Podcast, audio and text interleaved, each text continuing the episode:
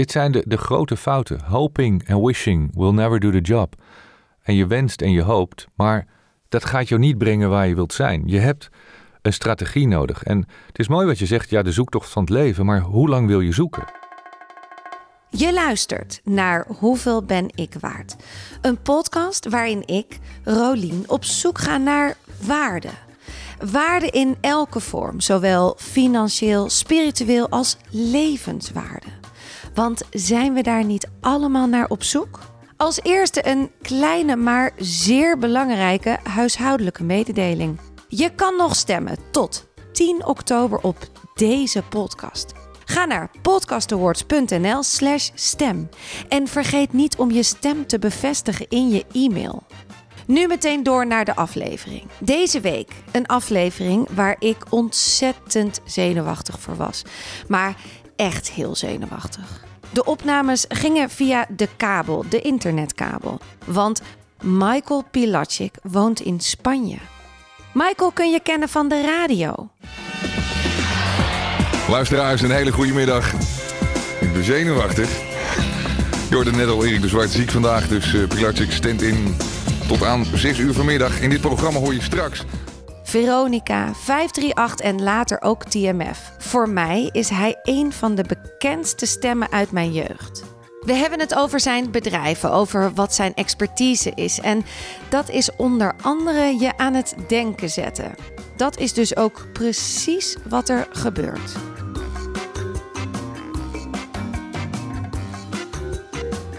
Wanneer wist je voor het eerst wat je waard bent?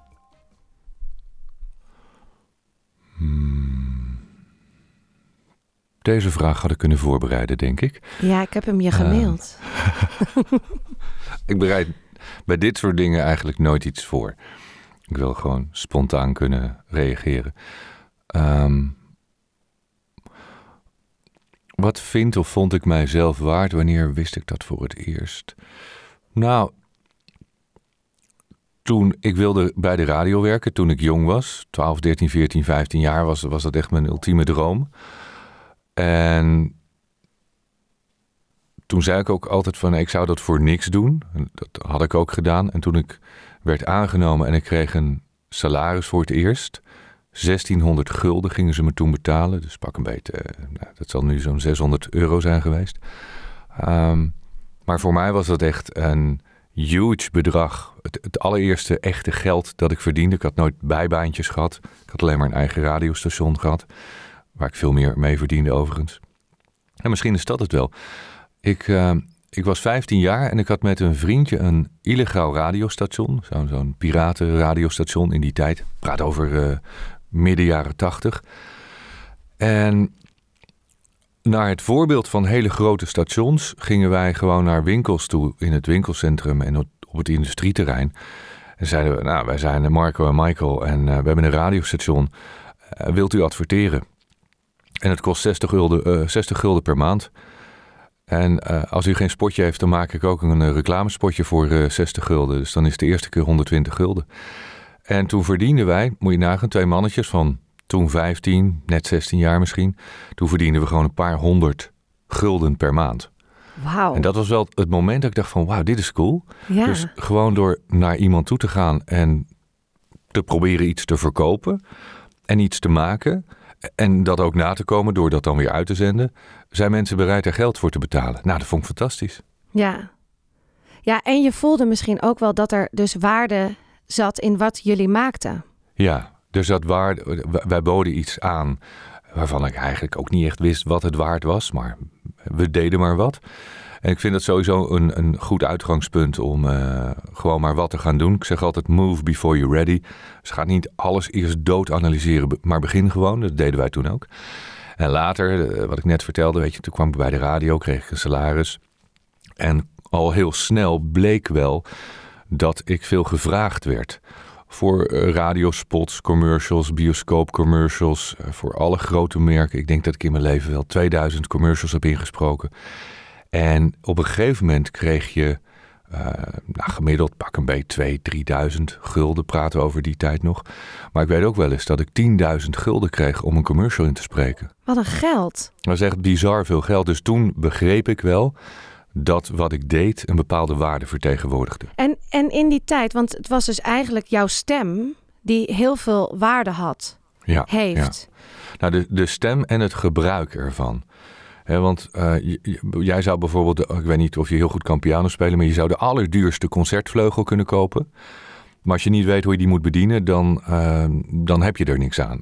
En er zijn heel veel mensen met hele mooie, fantastische, goede stemmen die daar niets mee doen. Um, en ik ben dat wel gaan ontwikkelen van hoe, hoe werkt dat dan? Hoe moet je dan praten? Waar moet je op letten? Ja. En, en, dus ga je, ik zeg altijd, stem is ook een heel belangrijk instrument. Ga je dat instrument leren bespelen. En de combinatie van, laten we zeggen, aan de ene kant de stem, het talent wat je gekregen hebt. En dat talent gebruiken, dat maakt uiteindelijk dat je een, een waarde vertegenwoordigt. Ja. Ja, want hoe heb je, kan je me dat in meenemen in die tijd? Ging je dan naar een vocal coach al? Of wat, wat deed jij daarvoor? Nee, ik, ik, ik werkte toen een tijd bij, bij Veronica met uh, Erik de Zwart en Wessel van Diepen, Jeroen van Inkel. Dus ik had, ik had voorbeelden. En die, ik kon gewoon afkijken eigenlijk. Ja. En ik had heel veel voorbeelden uit Amerika waar ik naar luisterde. En dan nam ik bandjes op en dan ging ik dat gewoon echt duizenden keren terugluisteren van hoe doen ze dat dan? Even voor je beeldvorming. Dit was ongeveer 15 jaar voordat internet begon. Dus eh, weet je, was niet van je zoekt even iets op. Je moest er echt heel veel moeite voor doen om, om aan een opname van, van radiostations of van Amerikaanse commercials te komen. Maar dat liet ik opnemen en dan ging ik dat helemaal analyseren van uh, hoe spreekt iemand dan? Welcome, one day. Je ging je dat nadoen en dan, uh, dacht je van, nou ja, dat klinkt ook nergens naar. Maar, maar door heel veel te oefenen, ik meen echt heel veel te oefenen, elke dag, week in, week uit, jarenlang. Ja, op den duur eh, word je goed in wat je doet als je, als je duizenden uren oefent. Ja, absoluut. Ik, ik herken dat ook wel, want ik heb, ben nu ook van mening dat mijn stem, daar ga ik veel meer mee doen. Dat is mijn mhm. kracht. Oh, dat viel mij al op toen jij die, die podcast met Cindy deed. Ehm, toen zei ik direct, uh, want ik, ik, wist helemaal niet wat jullie aan het doen waren. Toen zei ik van, hey, wie is dat? Want zij klinkt goed en ze praat mooi. Oh, wat goed. Wat fijn om te zijn, horen. Dat zijn twee belangrijke dingen. Hè? Het, uh, dat je een fijn klankgeluid hebt. Je vibratie is goed, waardoor het fijn is om naar te luisteren. Dat heeft niet iedereen. Maar het is ook belangrijk hoe je dan praat. En de manier waarop jij sprak en ja, je uitspraak, nou, was gewoon mooi. Het viel me op. Oh, wat leuk. Dat ben ik, vind ik heel leuk om te horen. Want inderdaad, dat is dus wel iets waar ik steeds meer achter kom dat dat wel mijn kracht is. Dat ik, ik krijg dat ook vaak als feedback terug. Maar Michael, wat doe jij nu allemaal? Qua, ook qua waarde. Want jullie zijn vijf jaar geleden nu volgens mij met heel veel dingen begonnen. En het, de waarde stijgt enorm. Ja, ja. Nou, we, we zijn begonnen met het erover nadenken wat we nu doen in 2013. Toen, uh, toen woonde ik nog op mijn boot en toen was ik aan het rondzeilen en toen ging Cindy mee. En daar zijn eigenlijk de ideeën ontstaan voor Mastermind Academy, wat, uh, wat we dus sindsdien uh, zijn gaan doen. 2015 zijn we begonnen met Mastermind Academy, omdat we iets wilden gaan doen om les te geven in alles wat je op school niet leert, zeggen we altijd. Dus alles wat je op school niet leerde, zoals uh, bewustzijn, omgaan met jezelf, omgaan met je gedachten, uh, meditatie, mindfulness, uh, maar ook gewoon zakelijk succes, wat je niet heel erg wordt geleerd. Al die dingen die ik uit mijn eigen ervaring kon vertellen, die wilde ik verpakken. Dat hebben we gedaan. Daar zijn we programma's over gemaakt, online, live. En nu dan niet meer live, maar we hebben heel veel live events georganiseerd. En van het een komt altijd het ander. Doordat mijn meditaties enorm aansloegen en mensen begonnen te vragen van heb je dat niet op een uh, cd'tje of een mp3'tje. Zo is Master of uh, Meditation Moments ontstaan. En ik denk we zijn begonnen in 2018 is de Meditation Moments app live gegaan. Maar wij zijn al vanaf 2017 bezig geweest met de ontwikkeling. Dus we waren al ruim anderhalf jaar bezig voordat het bedrijf echt live ging. Dus dat is het tweede bedrijf. En ik ging boeken schrijven toen ik uh, aan boord uh, woonde. Toen ik aan het zeilen was, toen schreef ik mijn eerste roman, Dans in de Hemel. En ik kon niet echt een uitgever vinden die nou heel erg blij was om een boek voor mij uit te geven. En een van de grootste uitgevers van Nederland, die gaf mij als advies van waarom doe je het niet zelf? We hadden een gesprek gehad en ze zeggen, ja, je bent zo ondernemend en je hebt zoveel ervaring als ondernemer. Waarom doe je dat niet zelf? Toen dacht ik ook van ja, Weet je, disruptors in, in elke markt, die eh, worden meestal heel succesvol. En ondanks dat iedereen tegen mij zei, dat zei dus ook al van, een boek schrijven moet je niet doen, dat heeft geen zin, weet je. Zeker niet als je veel boeken wil verkopen.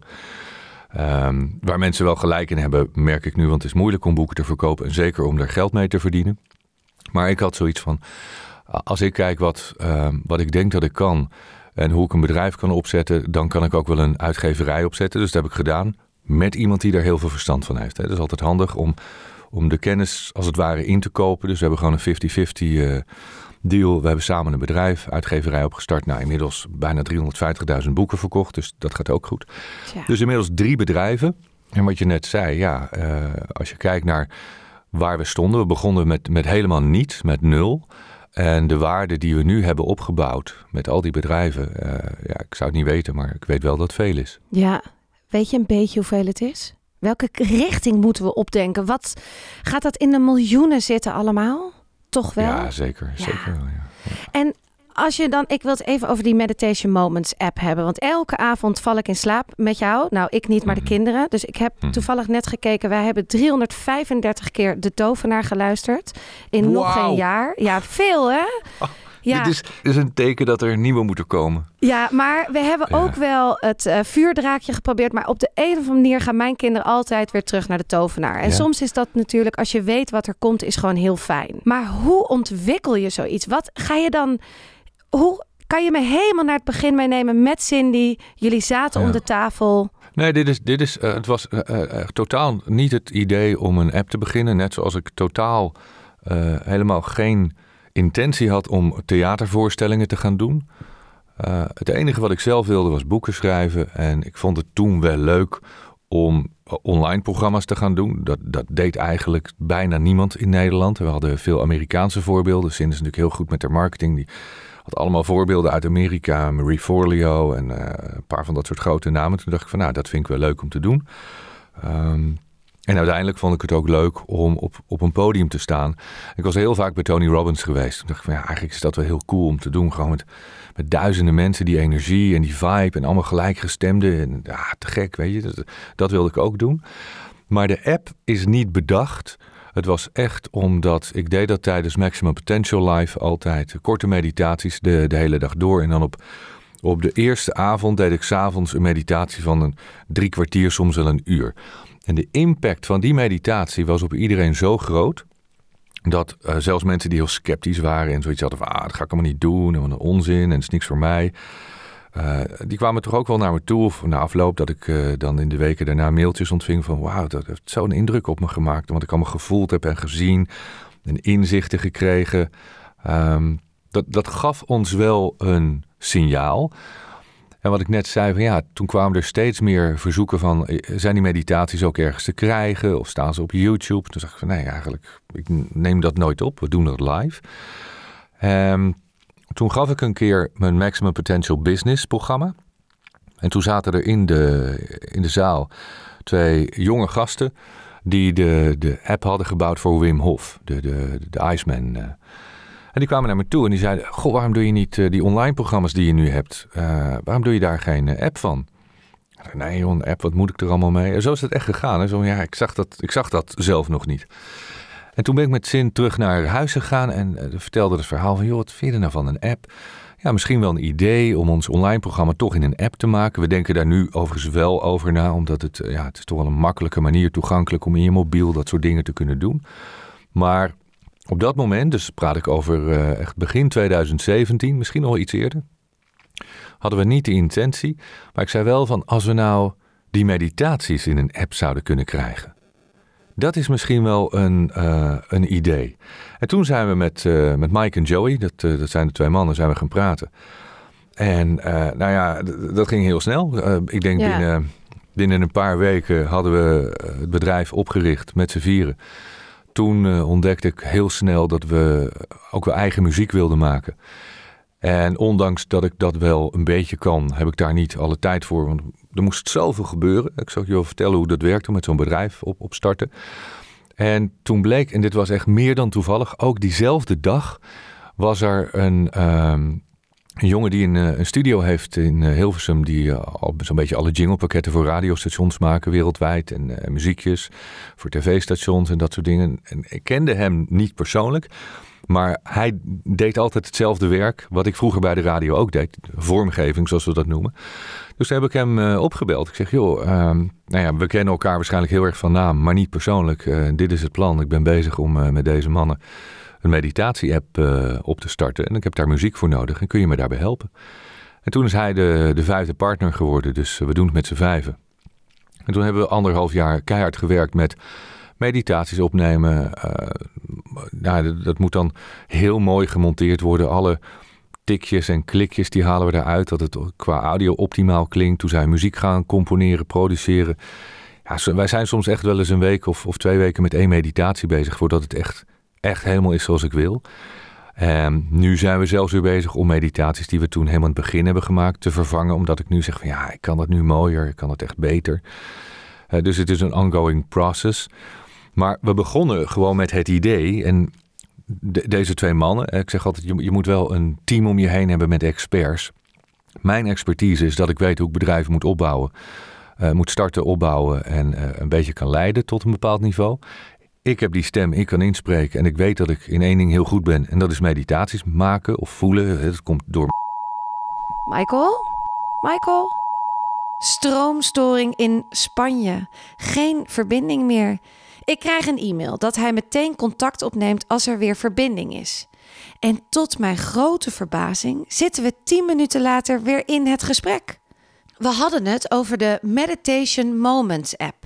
En ik wil weten hoe ze dat financieel aanpakken. En wat is je startbedrag? En is het eigenlijk ingewikkeld? Nou, dat is helemaal niet zo ingewikkeld. Want um, de eerste vraag is: eh, waar heb je geld voor nodig? Ik merk vaak dat ondernemers al direct in de stress schieten van ja, maar hoe ga ik beginnen? Ik heb geen startkapitaal, maar heb je daar geld voor nodig dan? Geen idee. Um, dus je moet eerst weten wat voor geld je waarvoor nodig hebt. En in ons geval uh, hadden we niet zo heel veel geld nodig. We moesten gewoon werken. Dus dat betekent dat iedereen aan het werk gaat, maar daar niet voor betaald krijgt. Dus wij hebben de, de eerste drie jaar heeft iedereen voor niks gewerkt. Ja, en, en, en er zijn dus twee mannen die uh, hebben de techniek opgebouwd en de app opgebouwd. En ik heb alles ingesproken en uh, ik heb met een aantal jongens muziek gemaakt. Cindy is gaan nadenken over design en marketing. Dus ja, je, je werkt gewoon de eerste tijd zonder dat je daar een vergoeding voor krijgt. En dat betekent dat je dus andere inkomstenbronnen nodig hebt om van te kunnen leven, om de boodschappen van te betalen. Nou, gelukkig hadden wij die allemaal. Ehm, niet dat, dat klinkt misschien van, oh, iedereen had geld zat. Nee, zeker niet. voor, ehm, voor een aantal mensen betekende dat gewoon echt minimaal uh, leven even. ik heb een wat, wat andere positie, dat, dat ik andere bedrijven heb en ik heb andere inkomstenstromen. Maar als je begint, en ik ben vroeger ook zo begonnen, ja, dan begin je gewoon met niks. En soms, als er geen geld is, kun je jezelf niet betalen. Dat is dan maar zo. Ik heb van mijn eigen mentor Dan Peña geleerd van pay yourself first. Zorg altijd dat je jezelf eerst betaalt voordat je de rest betaalt. Wat op zich een hele plausibele en slimme strategie is. Dat betekent niet dat je je heel veel hoeft te betalen. Maar het is vervelend als jij aan het eind van de maand de huur of de hypotheek niet kan betalen. dan heb je stress. En als jij de, degene bent die de tent moet runnen, dan dondert de tent ook om. Dus, dus je moet wel zorgen dat jij in leven blijft. Maar in ons geval, uh, we hebben gewoon voor niks gewerkt. We hebben de aandelen verdeeld. Wat, wat, een hele goede manier is dat je zegt van nou iedereen krijgt een stukje van de aandelen. Dus als we er straks een succes van maken, dan, uh, ja, dan verdient iedereen daarmee een beetje bonus terug. En uh, op een gegeven moment waren er natuurlijk wel andere mensen nodig. Want nu werken we met een team van bijna 30 mensen. Ja, dan komt dat, dat kantelpunt dat je iemand nodig hebt uh, die gaat helpen op uh, techniek. En je hebt op een gegeven moment een designer nodig en je hebt support nodig. Dan moet je zorgen dat, dat er geld is om die salarissen te kunnen betalen. En in ons geval hebben we dat een beetje zelf kunnen voorfinancieren uit eigen spaargeld. En als je heel slim omgaat met je, met je product, en in ons geval hadden we de app-lancering in november 2018. Als je dat goed hebt voorbereidt zoals wij dat deden, dan heb je direct een aantal klanten die de app gaan gebruiken. En al is het maar een beetje, dan heb je cashflow, dan komt er geld binnen. En het geld dat binnenkomt iedere maand kun je dan gebruiken om alle externe salarissen te betalen. Wist je ook meteen toen jullie eigenlijk met z'n vijven bij elkaar kwamen van dit gaat lukken? Nou, je weet nooit dat het gaat lukken. Want ieder bedrijf dat je begint, eh, je hebt geen idee. Je hoopt dat het gaat lukken, je wilt dat het gaat lukken, maar je weet niet dat het gaat lukken. En je kijkt naar voorbeelden. We hebben de markt onderzocht. Er zijn apps die uh, echt gewaardeerd worden op, op honderden miljoenen. Dus, dus het blijkt wel een markt te zijn waar uh, heel veel geld in omgaat. Waar behoefte aan is. Waar dus heel veel mensen zijn die, die dat soort apps gebruiken. Die behoefte hebben aan momentjes van rust en meditatie. Dus we hebben wel gekeken van ja. Uh, is het wel een businessmodel? Dat, dat uiteindelijk de investering in zo'n Meditation Moments app uh, moet je wel begrijpen, die, die overstijgen wel de miljoen. je, je, je, je kan niet met een paar duizend euro zo'n app beginnen. Ja, beginnen wel. Want in het begin is het dus niks, zoals ik vertelde. Maar inmiddels, nu zijn er zoveel mensen. En als je kijkt naar de hosting, er zijn ook wel eens mensen die denken van, joh, hoe dom kan je zijn? Die, die, die reageren dan in reviews met, uh, ja, het is helemaal ruk, want je moet ervoor betalen. En ik van, ja, maar wat denk je nou zelf? Je betaalt 3 euro per maand, maar wat denk je dat het kost? Ja. buiten het feit dat uh, wat de meeste mensen nooit begrijpen is dat omzet is geen winst. Er moet ook ten eerste heel veel belasting van betaald worden. Je bent sowieso 21% btw kwijt. Als je kijkt wat hosting kost van, van een, een app in ons geval, dat is heel veel geld. Dus het kan niet voor niks. Dat is onmogelijk. En als je er niet voor wil betalen, ook goed. Hè? Maar dan, uh, dan, dan kan je er geen gebruik van maken. Even goede vrienden. Dus je kosten zijn hoog. Dus uiteindelijk om dit soort bedrijven up and running te houden, betekent het dat je wel uh, heel veel in- en uitgaand geld nodig hebt om, uh, om dat in, in stand te houden. Ja.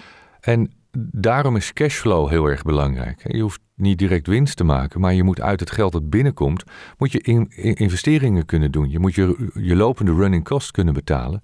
Nou, en in ons geval gaat het heel goed. We investeren zo'n beetje iedere euro die binnenkomt, investeren we weer in het bedrijf. Dus vijf expertises bij elkaar. Goed onderzoek doen naar de markt. Onderzoeken of het een businessmodel is. Drie jaar zelf investeren. Dus zorgen dat je een andere inkomstenstroom hebt. Veel herinvesteren. Maar hoe bepaal je dan de prijs voor deze app? Is dat ook een kwestie van goed onderzoek doen? Nee, je, kijk, het is vrij simpel. Je kijkt naar wat concurrerende producten doen in de markt. Uh, wat andere apps vragen. Uh, wat een Spotify of een YouTube vraagt. Uh, dan ga je kijken wat kost een yogales of wat, wat kost het als ik een keer naar een meditatieles ga. Ja, dat kost je 15 euro per keer. Dus ik zeg, ik, ik wil het heel toegankelijk en heel betaalbaar houden uh, voor iedereen. Ik, ik snap dat sommige mensen het misschien niet kunnen betalen, maar ja, ik heb wel zoiets van, joh, als je geen 3 euro per maand kan betalen, ja, natuurlijk zullen er mensen zijn, hè, maar ja, dan, dan zullen er ook andere dingen zijn die je niet kan betalen ik weet dat mensen aan alles geld uitgeven en denken van nou, dan moet je ergens anders 3 euro besparen, kan je dit betalen. Als je dat heel graag wilt. Maar je gaat gewoon kijken naar wat, wat, wat vind je zelf een bedrag wat, wat jij realistisch vindt. Maar dat is met alles. Als ik, als ik een, uh, een online programma doe of een, uh, een live event, dan denk ik ook van nou, wat vind ik, wat vind ik realistisch? En dan denk ik van, wat zou iemand daarvoor over hebben? Daar doen we soms ook wel eens onderzoek naar, van wat, wat zou iemand willen betalen? En wat vind ik het waard? Nou, als ik heel eerlijk ben, ik denk, deze app zou ik wel 100 euro per jaar waard vinden. Dat, dat vind ik het echt wel. Ik zou dat een hele normale prijs vinden. Maar dan ga je onderzoek doen, dat hebben we ook gedaan. Dan blijkt dat mensen dat best wel veel geld vinden. En uit het onderzoek, we hebben een, onderzoek gedaan voordat we begonnen. Dus we hebben mensen gewoon de app gegeven gratis ik weet niet, drie maanden of zo was het. Um, vier of vijfduizend mensen mochten de app gewoon gebruiken. En gratis weggeven is altijd heel goed om onderzoek te doen. Hebben we ook gezegd, je mag dat ding blijven gebruiken, want jij bent de allereerste gebruiker. Je gaat ons helpen om dit te ontwikkelen. En toen hebben we gevraagd van wat vind je goed werken en wat vind je niet goed werken en wat zou je erbij willen, wat mis je en wat vind je het waard. En ik geloof zelfs dat de gemiddelde prijs toen uitkwam op uh, 5 of 6 euro per maand. Toen zeiden we, nou, dat vinden we zelf eh, ook wel heel realistisch. Maar omdat we beginnen, uh, heb je nog niet alle content die je wil aanbieden. Dus zijn we begonnen volgens mij zelfs op 2 of 2,5 euro. En Michael, wat vind jij zelf een realistische prijs? Nou ja, 4, 5 euro per maand zou, ik heel realistisch vinden met, met alles wat we nog aan het ontwikkelen zijn en wat we bieden. Kijk, waar het om gaat is dat datgene wat jij biedt, is het dat waard? En is het dat waard voor de gebruiker? En vindt de gebruiker dat, dat ook een realistische prijs? Of, of zegt die gebruiker dan van, nou, ik vind het heel fijn, maar niet voor dat geld? Ja. Dus daar moet je, moet je een beetje, dat moet je aanvoelen, moet je onderzoek naar doen. Uh, en ik vind, je moet ook niet te goedkoop zijn.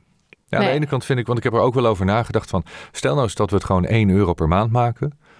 Uh, wat ik heel tof zou vinden van, ja, gaan we dan veel meer mensen kunnen bereiken? En dan blijkt dus dat dat niet zo is. Want de mensen die, uh, die nu 3 euro bereid zijn te betalen, die vinden dat geen probleem. En het is niet zo dat je als je de prijs gaat verlagen naar 1 euro, dat je 10 keer zoveel klanten krijgt. Nee. dat, dat, kun je allemaal onderzoeken. Dus dan ga je kijken van wat is een realistische afgewogen prijs. Nou, en dat is op dit moment dit bedrag. Ja, ik heb dat zelf ook. Want als ik dan een yogales gratis aangeboden krijg, dan denk ik, ja, nou, ik weet niet of ik zin heb. Maar als ik 15 euro betaal, denk ik, ja, dit heb ik betaald. Ik ga dat, dat doen. Dan, dan voelt dat als waarde. Ja, nou, ik, vind, ik vind ook dat. Uh, het is een beetje opvoeden van mensen, maar als je iets wil hebben, kost dat iets.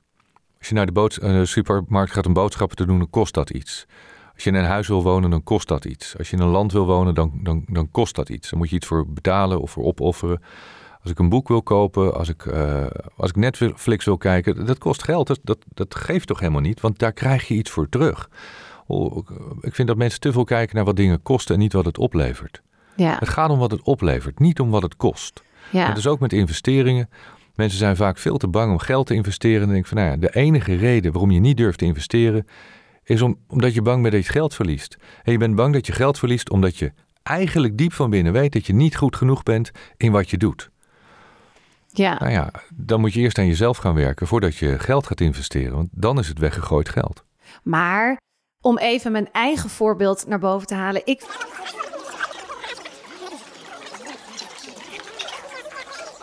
Oké, hier zet ik mezelf stop, want bah, ik kan dit verhaal van mezelf niet meer aanhoren. Te weinig luisteraars, niemand wil samenwerken, bla bla bla. Waar het op neerkomt, ik doe iets niet helemaal goed. En dat stukje moet ik gaan onderzoeken. Ik moet uit die slachtoffer, uit die underdog, want die mindset gaat mij niet verder helpen. Wat ik waard ben, dat weet ik nu wel. Maar blijven miepen helpt echt niemand. Dus luister vanaf nu goed, want nu wordt het interessant. Aan de ene kant uh, misschien niet interessant voor een adverteerder, hè, want de, de massa is te klein. Ja. Maar uh, als binnen die massa nou net de doelgroep zit die iemand wil bereiken, dan kan het uh, wel heel belangrijk zijn. Ik zal je een kort voorbeeld geven. Ik maakte ooit een televisieprogramma, dat heette e-business. En dat werd uitgezonden op RTL 5. En normaal gesproken, televisieprogramma's moeten echt wel een paar honderdduizend kijkers hebben, wil er gezegd worden, het is succesvol. En dit programma deed elke week niet meer dan 10, soms is 20.000 kijkers. Het was echt minimaal. En dat programma werd gesponsord door, uh, door grote IT-bedrijven. En nou, vanuit RTL werd gezegd: ja, kansloos programma, geen kijkers, niet succesvol. En ik was daar ook bang voor, want ja, ik zag ook die cijfers, het ging helemaal niet goed. Totdat onze hoofdsponsor opbelde en die betaalde echt, nou, ik weet niet meer echt tonnen, ik denk een ton of vier betaalde die aan, uh, aan sponsorgeld. En die belde mij op. En toen dacht ik van, oh gosh, ja, dat ga je het krijgen. De sponsor gaat nu ook zeggen van, uh, dit gaat niet goed. Nou, die man was hartstikke blij. Ja. Want uit die, die paar duizend kijkers was er één klant gekomen die een miljoen omzet uh, was gaan doen daar. Ja. Dus hij zei, ja, ik heb, ik heb vier ton geïnvesteerd en ik heb een miljoen teruggekregen aan omzet. Ja, het is een super deal. Ja, ik zie dit ook zo. Ik geloof namelijk zo in het product wat ik maak, de content. Ik ga er ook zeker niet mee stoppen. Alleen is het wel soms jammer als je iets maakt dat het nog door niemand wordt opgepikt. Dus ook die ene klant die zegt: Ja, weet je, we gaan het gewoon doen. We gaan gewoon kijken. Desnoods zegt iemand: Ik investeer 200 euro per aflevering. Jij noemt mij één keer en we doen gewoon een test. Want nu hoor ik al een jaar lang. Nou, fantastische podcast, echt te gek. Maar nee, de cijfers zijn niet Dit is zo'n grote valkuil, Rolien. Dit is zo'n grote valkuil. Nou, heel veel mensen eh, komen bij me en die zeggen dan... eh, ja, ik heb een boek geschreven en ik heb het dan heel veel mensen laten lezen. En iedereen vindt het echt te gek hoor. Iedereen zegt dat het echt een hit wordt. En dan weet ik al, in 99,9% van de gevallen is het gewoon niet zo. Mensen roepen dat. Mensen willen er vanaf zijn. Oh, leuk, ga je een online programma doen? Nee, te gek. Nou, dat nee, het ziet er mooi uit. Maar op het moment dat je zegt, wil je het ook kopen? Nee, nee, is niks voor mij. Dus Ja. al die meningen, daar heb je helemaal Nee. niets aan. Echt Oh. nul. Dus- Nul. Hoe pak je het dan aan? Want ik ben natuurlijk niet de enige ondernemer. Hoe hou je dan toch focus, motivatie? Want ik geloof in dit product. Ik geloof Ja, wat ik maak. Jij kan er wel in geloven, maar de vraag is: Ja. vertegenwoordigt het een waarde voor iemand anders? Kijk, je biedt als ondernemer iets aan en je vindt het heel leuk en daarom doe je het, maar eigenlijk je hebt nul klanten. Ik doe nu een business eh, eh, seminar volgende week. Ik krijg heel veel vragen van ja, nou, ik ben al heel lang bezig, maar eh, ik heb nog steeds geen klanten. Ja, dan, dan doe je iets verkeerd. Dan is de strategie niet goed, je product is niet goed, of je bent gewoon zelf niet goed genoeg in wat je zou willen doen. Maar in Ja. jouw geval moet je afvragen: ja, wie zijn dan die potentiële klanten die geïnteresseerd zijn in jouw doelgroep? Moet je heel duidelijk kunnen zeggen: van nou, als ik duizend luisteraars heb, dat zijn deze mensen.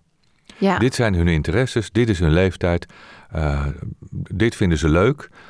En daar ga je zelf een, een klant bij bedenken. En dan ga je die klant eh, ga je gratis aanbieden. Zeg je, ja, je mag eh, twee keer gratis op mijn podcast ga ik, dit, eh, ga ik dit doen. Blijkt nou dat daar respons uitkomt, ben je dan bereid om voor zes maanden een bedrag te betalen. Ja. Aan de andere kant kun je ook voor, voorstellen dat een podcast misschien niet de manier is om geld te verdienen. Nee. Er wordt, er wordt veel over gesproken. Mensen zeggen, ja, hoe kan je een podcast dan monetizen? Nou, misschien moet je dat helemaal wel niet doen. De grootste podcasts in de wereld, die zijn gratis. Onze podcast is ook gratis. En, en we hebben nou, soms 50.000, maar meestal rond de 100.000. En als het uitschiet, een keer 150.000 luisteraars. En, eh, en we doen dat omdat wij vinden het leuk om iets te vertellen. Het is voor ons een kanaal om, om ja, dingen te delen met, met mensen die, die dat willen horen. Of gesprekken op te nemen met mensen die wij leuk vinden. Maar voor ons hoeft daar geen businessmodel achter te zitten. Het is gewoon awareness. Je biedt heel veel gratis, gratis content aan. En als wij twee of drie keer per jaar een programma gaan aanbieden, dan is het aan degene die eh, die, die podcast luistert om, om wel of niet zo'n programma te kopen. Dus misschien is een podcast een hele goede manier voor, voor promotie, voor marketing, voor awareness. Maar is het niet het middel om daar geld mee te verdienen? Nee. Of een te complex middel om uiteindelijk heel weinig geld te verdienen. En je ziet ook mensen die geld gaan vragen voor podcasts, die, eh, die lopen enorm terug in luisteraantallen. En er zijn maar weinig mensen bereid om een beetje te betalen. Ja, klopt. Het is echt nog, in die zin is het ook nog een halve niche. Eh, is er, zijn er nog helemaal geen afspraken? Begint het eigenlijk pas interessant te worden voor een merk bij 10.000 luisteraars? Maar ja, dat is ooit bedacht. En ik ben het daar gewoon niet helemaal mee eens. Dus ergens heb ik nog steeds dat ik die strijd wel aan blijf gaan. En ja, denk, je, ja, je hoeft de strijd niet aan te gaan. Je moet een betere strategie hebben. ja, Kijk, Joe Rogan doet een podcast, die is, eh, die is fantastisch en die is gratis. En die heeft zoveel luisteraars en zoveel kijkers dat Spotify op een gegeven moment zegt... joh, we betalen jou 10 miljoen, maar dan wil, willen we jou exclusief hebben. Dan ga je niet meer op YouTube zitten. Nou, dat doet hij. Ja, Ja. eh, dat is een major deal. ja. Dus als jij zo groot bent en je hebt zoveel luisteraars... dat iedereen het fantastisch vindt... dan zou je zo'n deal kunnen maken met een provider die zegt van... ik ga jou exclusief, ga ik jou uitzenden. En daar betaal ik jou voor. Ja. En de andere optie is dat jij zelf gaat eh, bedenken... ik ga een, eh, een abonnementsmodel bedenken... of, eh, of iets dat je zegt, nou, voor... laten we zeggen, nou, pak een beet. Voor 40 of 50 euro per jaar mag jij deze podcast luisteren. Dan gaat het er heel erg om of jouw luisteraar het zo interessant vindt wat jij doet, dat hij dat geld daarvoor over heeft. ja. En Nou, dan is- haken heel veel mensen af. Het is leuk dat je dit zegt, want ik heb een betaalmuur. En dat heette de Roro's. En achter die betaalmuur krijg je extra content. En daar zitten er nu een stuk of 60. Ja. En die betalen 4 euro per maand. En die krijgen dan Mhm. een extra podcast. Ja. Dus het, dat, ik, ben, ik ben zelf ook aan het onderzoeken van... hey, hoe werkt dit dan? Waar gaat het dan naartoe? Ik had gewoon alleen een jaar geleden toen ik begon... in mijn hoofd. Ik word Chantal Jansen van de podcast. Ja. Maar ja, daar moet ik nu wel af en toe toch van terugkomen. Uh, en wat was, zin- je, wat was je strategie, of wat is je strategie dan? Als jij zegt van ik wil de Chantal Jansen worden, dan bedoel je ik wil de, de, de top van de podcast ja, hosts worden. Oh, wat was het idee dan? Hoe had je dat voor je gezien? Wat wilde je nou, doen? het, hoe had ik dat? Dat is een hele goede vraag. Nou, het is een beetje, het is ontstaan eh, omdat ik podcast maak. Ik vind dat zo'n mooie manier van eh, informatie verspreiden. Oké, hoor jij hem ook? die kraak, die emotie in mijn stem. Ik schrok enorm van deze vraag. Ik schrok dat ik eigenlijk helemaal geen antwoord heb op deze vraag. Hoe had ik het voor me gezien? Hoe had ik het allemaal eigenlijk bedacht? Maar luister nog lekker even naar mijn gestotter en hou je vast, want hier komen de lessen. En het is een, het is een soort entertainment, het is interessant, je kan luisteren wanneer je wil. Ja, ik zie daar gewoon, dat is in mijn ogen de toekomst. En ik dacht, ik ga dat gewoon, ik ga heel veel verschillende podcasts hosten.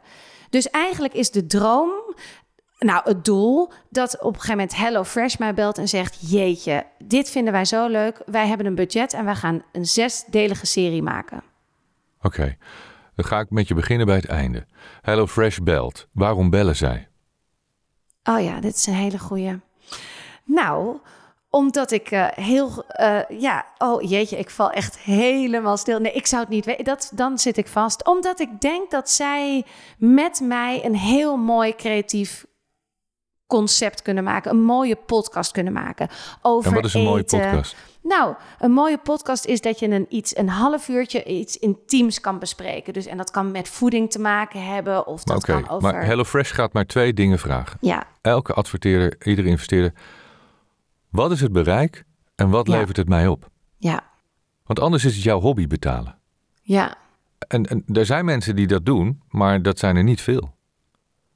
Nee. Ik vind het heel goed dat je zegt, ik heb een voorbeeld. In dit geval dan, Chantal Jansen is een goed voorbeeld. Die is heel succesvol in wat ze doet. Maar wat doet ze nou eigenlijk? En waarom is ze daar zo succesvol in? En als ik dat model van haar wil kopiëren in een podcast, wat moet ik dan doen om die positie te krijgen die zij in televisieland heeft? Nou, daar Ja. maak je een plan van en dat vul je Ja. in. En dat is de strategie. Dus je, je hebt een wens en je hebt een soort eindbestemming. Maar je hebt geen strategie en geen stappenplan om die wens werkelijkheid te laten worden. Maar wat heel belangrijk is, je weet wel waar je wil eindigen. Dat Ja. weten de meeste mensen al niet. Die, die stappen ergens in, die gaan maar ergens naartoe. Maar jij zegt, "Wij, ik wil daar naartoe. Ik wil de Chantal van de podcast worden. Ik wil... Ja, wat wil je eigenlijk? Nou, dat is ook, maar dat vind ik soms, is dat niet soms ook het, de zoektocht van het leven? Want ik begon inderdaad met dat, ik wil Chantal Jansen. En dat is nog steeds een hele grote droom. Maar ik zie nu ook in dat alleen podcast maken gaat hem niet worden. Wat hier wel uitkomt, is dat ik ineens dacht: hé, hey, misschien vind ik het wel heel leuk om dagvoorzitter te zijn. Misschien zou ik het wel leuk vinden om af en toe te spreken op evenementen over waarde, hoe ik die heb ervaren, naar al deze mensen gesproken te hebben. Misschien vind ik het wel leuk om Michael te vragen of ik zijn kindermeditaties mag inspreken, de vrouwelijke stem. Ik noem maar Ja. wat, hè? Ja, ja. Zo, dus er komt wel uit deze podcast. Ik heb me denk ik misschien te veel op één ding gefocust, omdat ik zo hoopte dat, dat dit door het grote Ja, publiek zo dit- opgepikt dit- zou worden. Dit zijn de, de grote fouten. Hoping en wishing will never do the job. En je wenst en je hoopt, maar dat gaat jou niet brengen waar je wilt zijn. Je hebt nee, een strategie nodig. En het is mooi wat je zegt, ja, de zoektocht van het leven, maar hoe lang wil je zoeken? Terwijl als je strategisch aan de gang gaat en je zegt, oké, daar wil ik komen. Ik wil die positie van een Chantal hebben. Wat bedoel ik daar eigenlijk mee? Ik wil de grootste op podcastgebied zijn. Wie moet ik dan verslaan? Want wie zijn nu de grootste? Hoeveel luisteraars hebben die? Wat doen die dan? Hoe komt het dat die zoveel luisteraars hebben? En wij zijn een tijdje geleden ook andere podcasts gaan beluisteren. Om te kijken waarom die podcasten dan zo goed beluisterd worden. En ik begrijp het echt niet. Ik kan, ik kan er niet één argument bij bedenken waarom een heel groot aantal podcasts zo hoog in de lijstjes staan. Ik begrijp het gewoon niet. ik ook Ehm, niet. geen van die podcasts is commercieel. Ehm, er zijn een paar podcasten die ik heel interessant vind, die wij elke week luisteren. Ik vind die van ons, nou, vind ik ook wel aardig, anders zouden we hem niet maken natuurlijk. Maar dan ga je heel erg onderzoek doen. En je moet wel weten wie, je tegenstander is en, en wie je wilt verslaan voordat je wedstrijd kunt winnen. Jawel, maar de wedstrijd in podcastland is nu wel zo dat ben jij influencer of doe jij al iets op televisie, ja, dan ga je, het, dan ga je scoren. Ja, dus moet je Dus is- influencer worden. Ja, ja, maar ik weet niet of dat mijn talent is om echt influencer te worden. Want ik, ik geloof dat mijn talenten ook wel op andere plekken zitten. Ik geloof dat ik mijn talent meer is dat ik misschien ontwapenend ben. Dat ik in mijn eigen authenticiteit met mijn 40 jaar, dat dat mijn talenten zijn. Maar dat kan, dat kan. Alleen als je nu een jaar bezig bent met die podcast, dan moet je zien van oké, welke groei heb ik doorgemaakt? Waarom ben ik nog niet daar waar ik wil zijn? Ja. Wat, wat, wat is het nou waar ik vastloop of waar de groei niet ontstaat? ja. En, en dat moet je onderzoeken en daar kan je een plan op maken. Ja. Ik vind het ook grappig dat je net zegt dat hopen en wishen. Want wat er, misschien herken je dat ook wel, of jij niet, maar herken je dat bij andere mensen. Wat er bij mij gebeurt, is dat ik eigenlijk lam sla. Dus wat ga ik doen? Instagrammen, Netflixen, passief gedrag to- vertonen. Ja.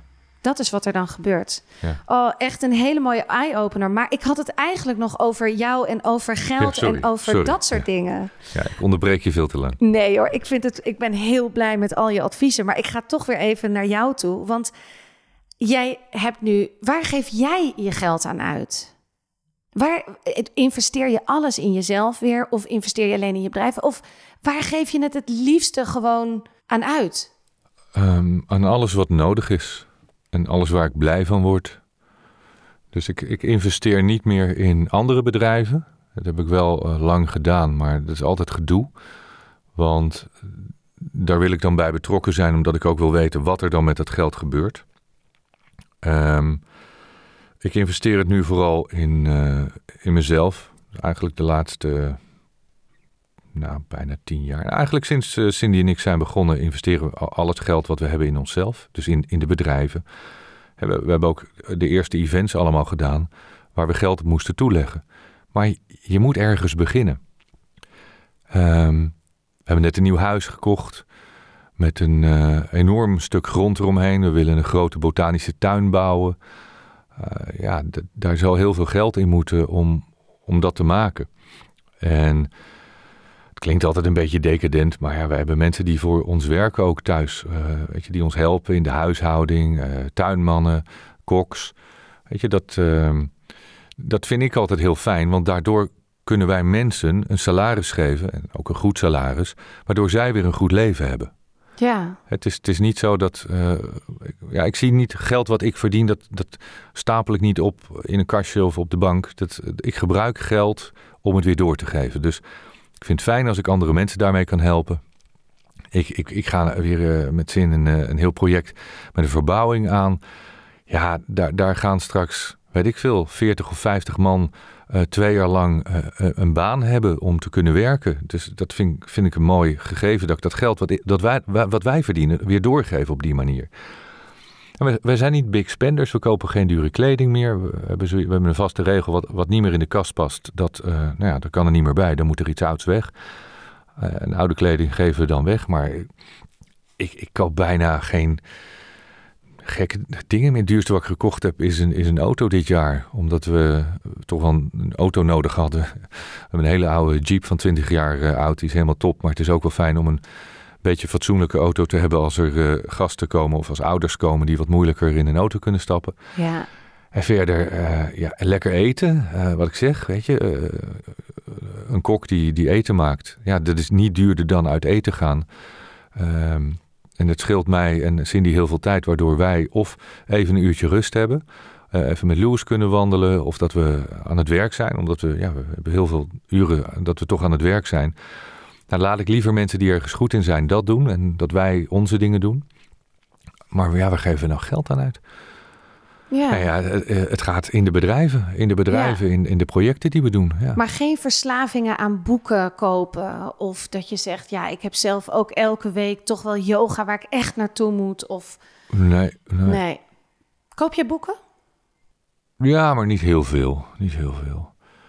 Ik, eh, ik lees ook niet heel veel. Ik lees heel veel de boeken die ik al heb.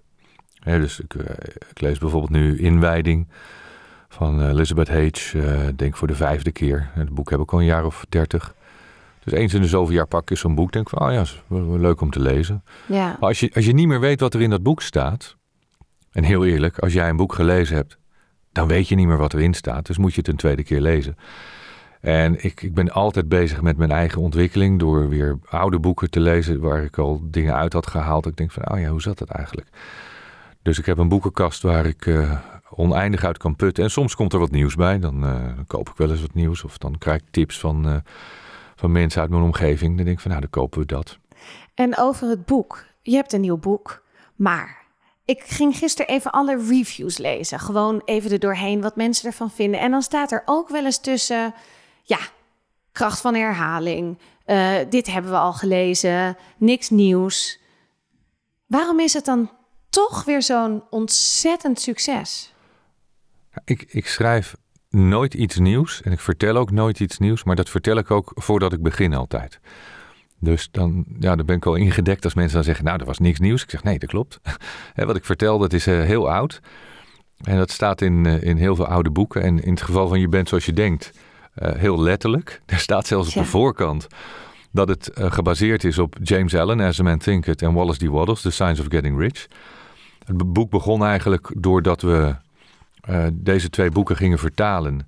En ik ging ze steeds meer vrij, vrij, vrijer vertalen. Dat ik zei van ja, het is, ik durf dit geen vertaling meer van die boeken te noemen. Dat, dat, dat is het niet. Maar ik heb het ook niet allemaal zelf bedacht, want het is heel erg gebaseerd. Ik heb zelfs een beetje de structuur van de hoofdstukken aangehouden van die twee boeken. Ik zeg dus het is een, ja, een bewerkte versie met heel veel eigen in, inbreng van mijzelf. Op basis van twee boeken die er al waren. Eh, en de combinatie maakt het wel een goed boek, denk ik. Ik denk dat de vertalingen eh, de beste zijn die, die we ooit in het Nederlands gehad hebben van die boeken. Maar nogmaals, het is wel heel vrij vertaald. Ehm, ja, als je dan zegt het is niks nieuws, dat klopt. Als je het herhaling vindt, ja, kan ook. Ik, ik zie niet overigens de herhaling tussen dit boek en eh, Master Your Mindset, wat ik een veel praktischer boek vind. Maar het, het gaat wel over mindset, het gaat over denkwijze. Eh, het, het gaat over gedachtekracht. Ja, dat, dat is waar ik over spreek en waar ik over schrijf. Ja, En, eh, een beetje mindfulness, meditatie. Maar daar zullen mijn komende boeken ook over gaan. En ik moet er natuurlijk voor waken dat het niet te veel hetzelfde wordt. Dat als je het volgende boek gaat lezen, dat je denkt van ja, maar dit weten we nu wel. ja. En dat, dat, dat, dat is niet de bedoeling. En aan de andere kant, misschien moeten men, dat zei ook iemand, en dat vond ik wel een mooie tussen die reviews. Iemand zei: Misschien moet ik het ook wel zes keer lezen voordat ik het echt begrijp. Wat jij ook met je boeken doet. Jij leest ze misschien dus ook wel drie keer. Kijk, James Allen, As a Man Thinketh, het is een heel klein boekje. Maar ik heb dat denk ik echt een keer of twintig gelezen in, eh, in het Engels. Ehm, en nog steeds, ik denk dat ik het nu wel behoorlijk begrijp. Maar nog steeds zijn er af en toe dingen dat ik denk van wauw, oh ja, wauw, mooi zinnetje. Of eh, ja, zo heb ik dat nog niet gezien. Ja, En dat geldt ook voor eh, Think and Grow Rich. Ja, ik lees dat boek al 30 jaar. Ik, ik haal daar wel steeds minder nieuwe dingen uit. Maar laat ik zeggen, de eerste tien keer dat ik het las en de laatste tien keer las ik wel een heel ander boek. En dat komt omdat je zelf anders bent. Je verandert, je ontwikkelt jezelf. Dus je gaat met andere ogen, met, met andere gedachten, ga je zo'n boek lezen. En haal je er dus ook andere dingen uit. Dus ik, ja, ik, ik, lees, ik lees graag oude boeken. ja, ik heb dat boek ook gelezen, omdat ik anderhalf jaar geleden jullie podcast ging luisteren en toen bij jouw vertaling kwam. Nou, iedereen zegt altijd: het is een heel makkelijk boek, prima te doen. Ik vond het moeilijk. Think and Grow Rich. Ja, Ja, nee, is niet eenvoudig. Nee, zeker niet. En ik denk dat ik hem nu nog een keer moet gaan lezen, omdat, ik, omdat het gewoon misschien ook nog niet het moment was, dat de, de kwartjes nog niet vielen. Maar ik, ik denk ook met dat soort boeken dat je er ook dus inderdaad echt of klaar voor moet zijn, of het echt moet gaan begrijpen. Het, het nadeel van, van dat soort boeken is, ze zijn honderd jaar geleden geschreven. En ik heb die, die van Think and Grow Rich niet zo vertaald bewerkt naar moderne, wel een beetje, maar niet zoals ik de, de nieuwe boeken gedaan heb. Omdat ik het heel dicht bij het origineel wilde houden, eigenlijk zo origineel mogelijk. En ik heb een autorisatie van de Napoleon Hill Foundation eh, ook gekregen, omdat ik zoveel mogelijk het echte oude originele boek zou vertalen. Ja, Ehm, En als ik dat te vrij ga doen, dan zullen zij zeggen van ja, maar dit is wel uh, een hele vrije interpretatie ervan. Maar het is natuurlijk een boek met heel veel oude voorbeelden. Ook wat het soms een beetje stoffig maakt, moeilijk doorheen te komen. Maar daartussen staan wel heel veel universele wijsheden die nog steeds gelden. En dat heb ik wel min of meer geprobeerd te gebruiken als de basis van Master Your Mindset. Waardoor Master Your Mindset een heel toegankelijk boek is. Heel praktisch gericht, ook met stappenplannen. En veel makkelijker leesbaar. Ja, die, die vind ik ook wel makkelijker. Maar het is ook, denk ik, ja, ik ben er nu pas steeds meer aan toe om het te begrijpen. Het is echt nog mhm. wel een. Het moet nog wel een soort inzinken. Snap je? Ik denk ook omdat we heel erg geprogrammeerd zijn, toch in ik dan in schaarste te denken. Als ik het over mezelf heb, hè, of dat ik denk, ja, maar ik ben het niet waard. Ik moet heel hard werken. Het kan niet zomaar ineens op je pad komen. Dat zijn toch nog oude patronen. Ja, dingen kunnen wel echt zomaar op je pad komen als je het juiste pad bewandelt. Als je je ogen open houdt en je voelsprieten, dat je dingen voelt en ziet. Want dan, hè, de kansen zijn er vaak altijd, maar je ziet ze niet. Heel veel mensen krijgen kansen, maar ze zien ze niet of ze benutten ze niet. Um, hard werken is absoluut waar. Iedereen moet hard werken. De illusie dat mensen heel veel geld verdienen en daar niet zoveel voor hoeven te doen, dat is een illusie. Dat zijn, als het wel zo is, enorme uitzonderingen.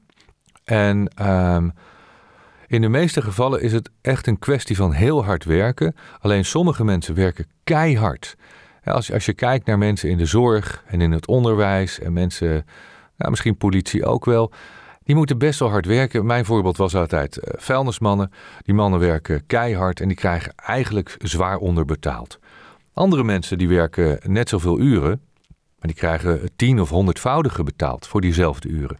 Waar zit nou dat verschil? En dit is wat ik 30 jaar geleden ben gaan onderzoeken van hoe kan het zijn dat bijvoorbeeld binnen één bedrijf iemand 1000 euro verdient maar de baas verdient 50.000 euro. Waar ligt dat dan aan?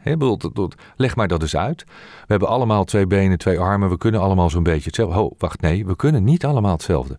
Daar gaat het fout. We hebben in de basis misschien dezelfde capaciteiten. Maar één iemand is in staat om een heel groot bedrijf aan te sturen. En de ander is uh, in staat om de post rond te brengen, wat hij heel goed doet. Alleen, het gaat om jouw unieke toegevoegde waarde.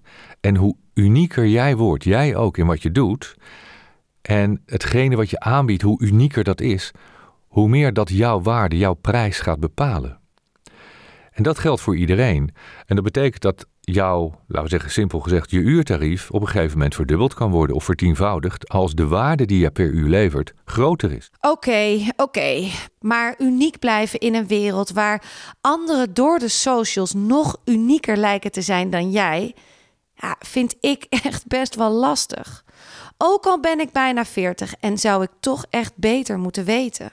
Ja, maar kijk, hou op met naar andere mensen ja, kijken. Ja, dat is misschien de grootste tip. Kijk, wat je moet doen is naar mensen kijken van wie je kan leren. Leer daarvan en word zo goed dat andere mensen naar jou gaan kijken. Maar als je alleen maar blijft kijken naar hoe andere mensen doen en je leert daar niks van en je doet er niks mee.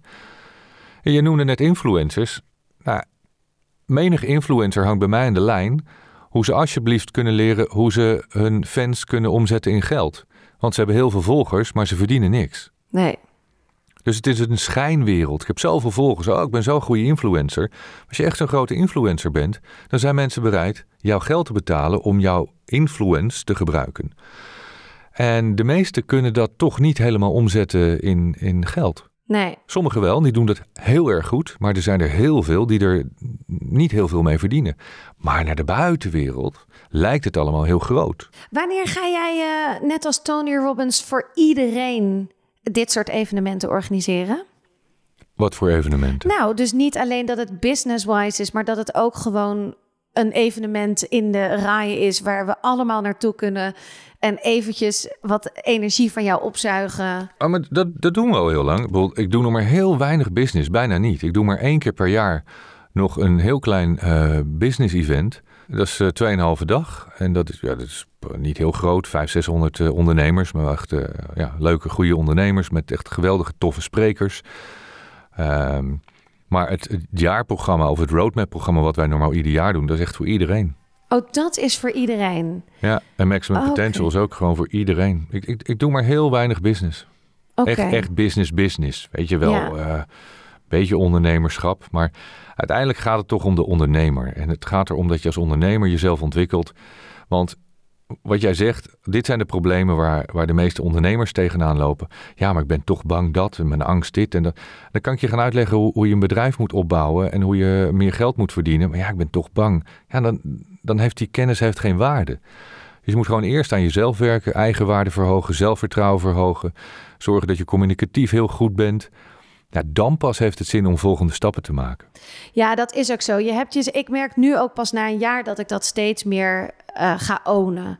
Dat ik er nu in zit. Dat ik nu ook in nu zal ik misschien ook wat brutaler bij HelloFresh zijn en zeggen: luister jongens, wij moeten gewoon om de tafel. Ik denk dat wij zo'n goede match zijn. Dus je groeit misschien ook steeds meer als je begint te ondernemen in je. Natuurlijk, wa- natuurlijk. Ja, ja, Het is ontwikkeling. Ja. En je belt ze, je belt ze op, een, op een dag op.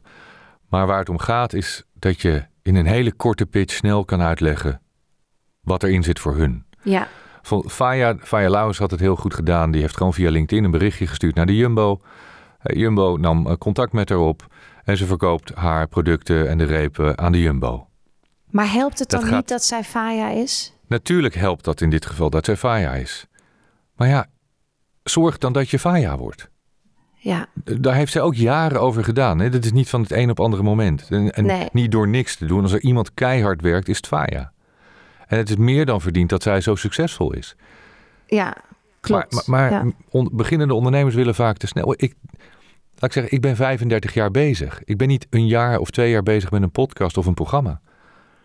En dat, dat is een grote valkuil. Ik zie, ik zie influencers ook, die zien eh, wat Cindy en ik doen. Die denken, ah, dat eh, gaat wel lekker, weet je. Hebben ze echt duizenden mensen die meedoen. Oh, ik heb eh, een miljoen volgers, ik ga ook even een online programmaatje doen.